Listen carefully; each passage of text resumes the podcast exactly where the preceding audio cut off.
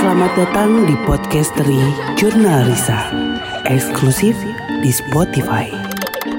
Download Anchor.fm untuk membuat podcast gratis. Assalamualaikum warahmatullahi wabarakatuh Selamat datang di podcasteri Jurnal Risa Kayaknya udah lama banget nggak cerita lagi nggak bikin podcast lagi Karena eh, kita tuh gantian gitu Udah ada jadwalnya Jadi bulan ini ada kebagian atau enggak Kangen juga bisa cerita lagi sama kalian Bisa berbagi pengalaman lagi kalau mungkin eh, tim yang lain, anak-anak yang lain selalu bercerita tentang pengalamannya atau kejadian-kejadian yang mereka alami. Tapi di beberapa kesempatan podcast, kadang aku coba berbagi sudut pandang, berbagi pemahaman, bagaimana kita atau aku pribadi melihat satu fenomena, melihat satu cerita yang menjadi urban legend mungkin, yang menjadi mitos atau uh, bisa disebut ini benar atau enggak, atau ini hanya sugesti dan lain-lain. Pernah dengar nggak atau pernah kalian tahu tempat-tempat yang dulunya itu pemakaman dulunya itu ya kurang lebih bisa jadi pemakaman umum atau kuburan massal pada zaman Belanda. Pernah kan? Gak mungkin gak pernah. Kayak suatu tempat di dekat rumah kalian atau di daerah kalian yang mencinta, menyimpan cerita seperti itu. Tapi gimana jadinya ketika tempat itu atau tempat yang dulunya makam atau kuburan adalah rumah kalian sendiri. Pernah kalian bayangin nggak? Atau bahkan emang beneran ada? Atau bahkan kalian udah tahu bahwa rumah kalian itu dulunya kuburan? Aku sih nggak pernah bayangin. Dan aku juga, aku juga baru tahu setelah aku besar setelah rumah yang dulu aku tinggalin udah gak ada dan udah gak kita tempatin itu gak bisa aku bayangin sih kalau sekarang udah gede terus aku masih harus tinggal di sana. Jadi cerita ini diceritain pas rumah yang aku tinggalin atau rumah nenek aku dulu udah dijual. Karena sengaja katanya kalau diceritain sekarang takutnya kalau diceritain waktu itu pas kita masih tinggal di sana takutnya pada takut dan terjadi sesuatu karena cerita yang orang tua aku dan ceritain adalah pengalaman mereka mengalami sesuatu di sana. Ceritanya gini. Cerita ini kejadian pas aku belum ada malah. Jadi satu malam di rumah itu. Jadi aku kasih tahu sedikit rumahnya berada di Jalan Raya Lembang.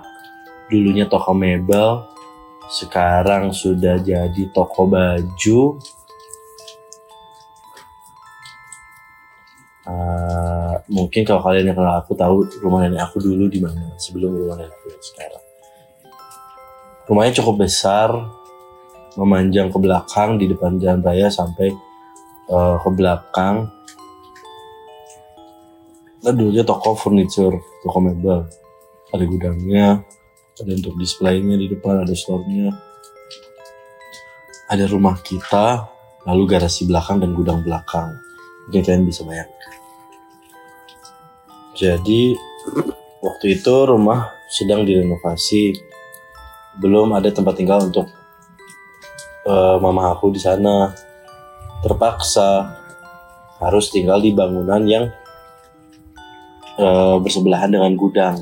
Jadi di rapi-rapi sedikit supaya bisa jadi kamar di situ. Mamaku waktu itu bercerita dia masih eh, cukup muda. Dia orang yang bisa dibilang cukup berani ya, walaupun ya manusiawi ketika ada rasa takutnya. Tapi biasanya dalam menghadapi hal seperti itu dia cukup berani malah kadang ditantang. Yang jadi nurun mungkin ke anaknya sompral sekarang. Suatu malam itu nggak tahu kenapa mama tuh katanya susah banget tidur gelisah nggak tenang sampai melihat jam kurang lebih ada di jam 2 atau setengah tiga jam 2 setengah tiga jadi berlangsung se- semalaman dari mungkin 10, 10, 11, 12, 1 itu gelisah nggak bisa tidur sampai akhirnya jam 2 malam itu mulai semakin aneh yang dirasakan. Seperti ada orang ngobrol di di gudang sebelah. Tapi mama pikir mungkin oh ini udah subuh mungkin ada yang ronda. Mungkin ada bapak-bapak atau rumah sebelah yang lagi ngobrol emang belum tidur. Tapi setelah didengar-dengar lagi mama mencoba mendekatkan telinganya dan badannya ke arah pintu keluar. Suaranya begitu jelas terdengar berasal dari ruangan sebelah yang eh, pada saat itu jadi gudang semalaman gak bisa tidur pikiran ke mana-mana ditambah ada kejadian itu bikin mama makin ini apa ya? Rasa takutnya ada tapi rasa penasarannya lebih tinggi. Seperti orang yang beraktivitas ngobrol kayak ngobrol aja katanya terus beraktivitas seperti menggerakkan benda benda-benda berat menggeser-geser benda dan lain-lain lama kelamaan semakin berisik kok malah kayak orang yang lagi ke- kerja mukul-mukulin kayu dan bangunan karena di situ pun di gudang itu pun tempat eh, ngerakit atau ngerestor furnitur-furnitur yang akan dijual di depan.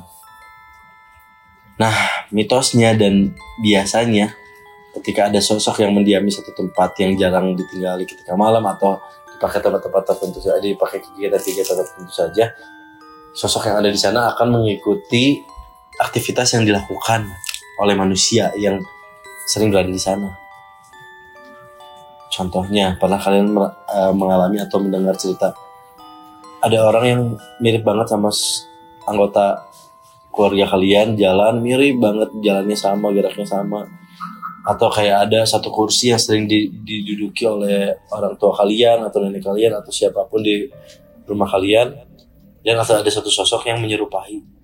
Mungkin kurang lebih seperti itu. Tapi kejadiannya eh, mama masih mendengar suara dan belum berani untuk melihat bahwa ada apa di sana.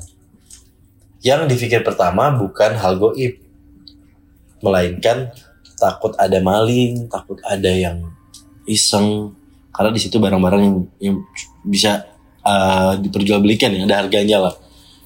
Ada kursi, ada kayu-kayu dan lain-lain. Tapi sejauh ini nggak pernah kok ada maling yang masuk, karena pagarnya juga cukup tinggi, gemboknya juga uh, safety aman makin lama semakin lama sem- eh, jam mungkin setengah tiga mengarah ke keadaan awal kok semakin berisik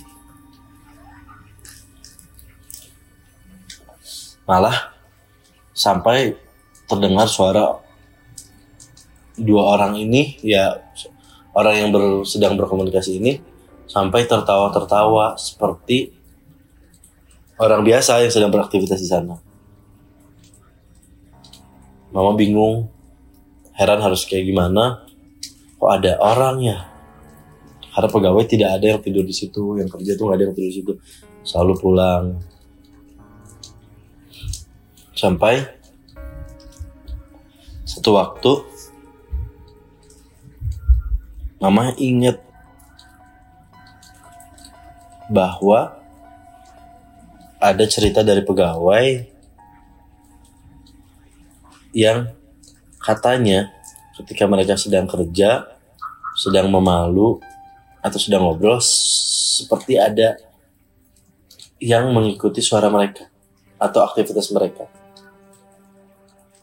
Yang aku tangkap tuh ketika kita malu nih, si pegawai malu, ada juga yang malu di belakang, tak, tak, suaranya sama, iramanya sama, dan itu terjadi beberapa kali. Tapi mungkin kalau pegawai kan mikirnya kerja, dan itu di siang hari jadi mereka abaikan, hanya bercerita saja, bukan mengenal.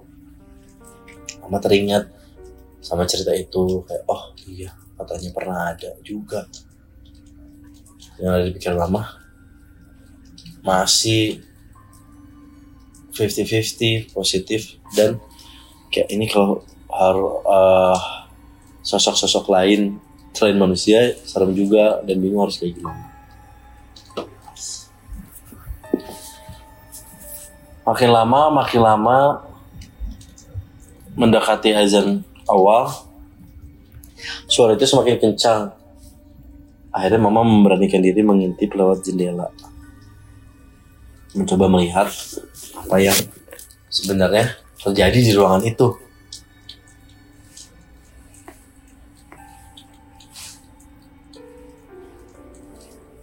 Mama coba mengintip, membuka jendela dengan perlahan karena dia takut masih takut bahwa itu maling yang yang ditakutkan akan uh, melakukan sesuatu. Begitu jendela dibuka, suara itu langsung berhenti. Padahal berbarengan dengan suara yang masih mama dengar. Jendela dibuka baru sedikit, suara itu langsung berhenti. Sepi dan tidak terdengar suara apa pun. Mama heran, oh mungkin tetangga ya baik lagi ke pemikiran itu apa ya coba mama tutup lagi karena sudah mulai aneh mama tutup lagi nggak sampai katanya nggak sampai. 10 detik 15 detik ketika ditutup suara itu kembali ada. Suara itu kembali terdengar. Jadi kayak kalau mama mikirnya kok eh kok malah disengajain ya? Ketika dibuka jendelanya malah nggak ada. Ketika ditutup malah sengajain kok ada suara lagi? Itu yang bikin mama bingung. Mama coba buka lagi jendelanya suara itu kembali hilang. Lalu mama tutup. Tutup lagi. Suara itu kembali lagi ada. Bisa kalian bayangin nggak situasinya di saat itu kayak gimana? Dihadapkan kalau kalian sendiri di satu ruangan yang kalian sadar sebelah ruangan itu gudang yang tanda kutip gudang itu pasti identik menyeramkan, kotor, di ruangan kosong kalau malam. Wah kalau aku sih pikirin udah ke mana-mana pasti.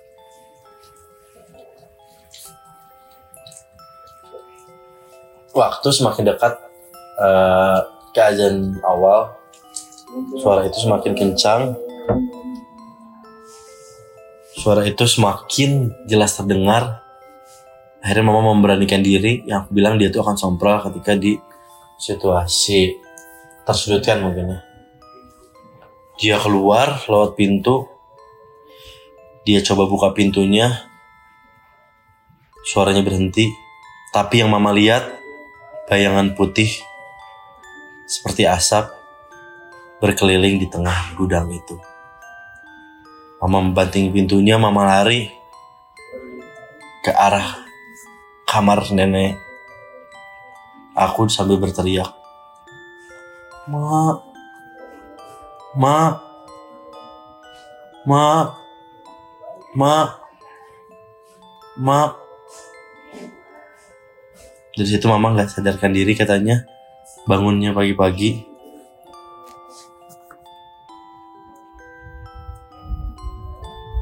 Lalu Ketika pagi hari ditanya baik-baik dan mama ceritain lagi apa yang terjadi semalam.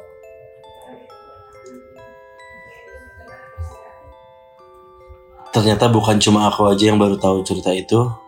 Pada saat itu kejadian yang mama alami, mama pun baru tahu dari nenek bahwa garasi atau gudang belakang atau tempat yang mama tinggalin sementara pada saat itu dulunya pada saat penjajahan Jepang pernah dijadikan makam warga sekitar yang meninggal.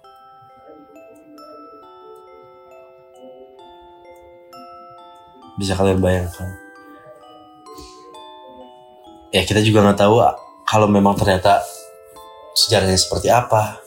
Tapi alangkah baiknya kita lebih mencari tahu, mempertanyakan dulu bahwa tempat yang kita tinggali itu dulunya apa, sempat ada kejadian apa.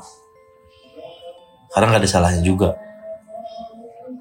Supaya mungkin kita jadi bisa lebih hati hati-hati dan bisa mendoakan ketika memang ada sesuatu yang yang perlu dan harus didoakan di situ.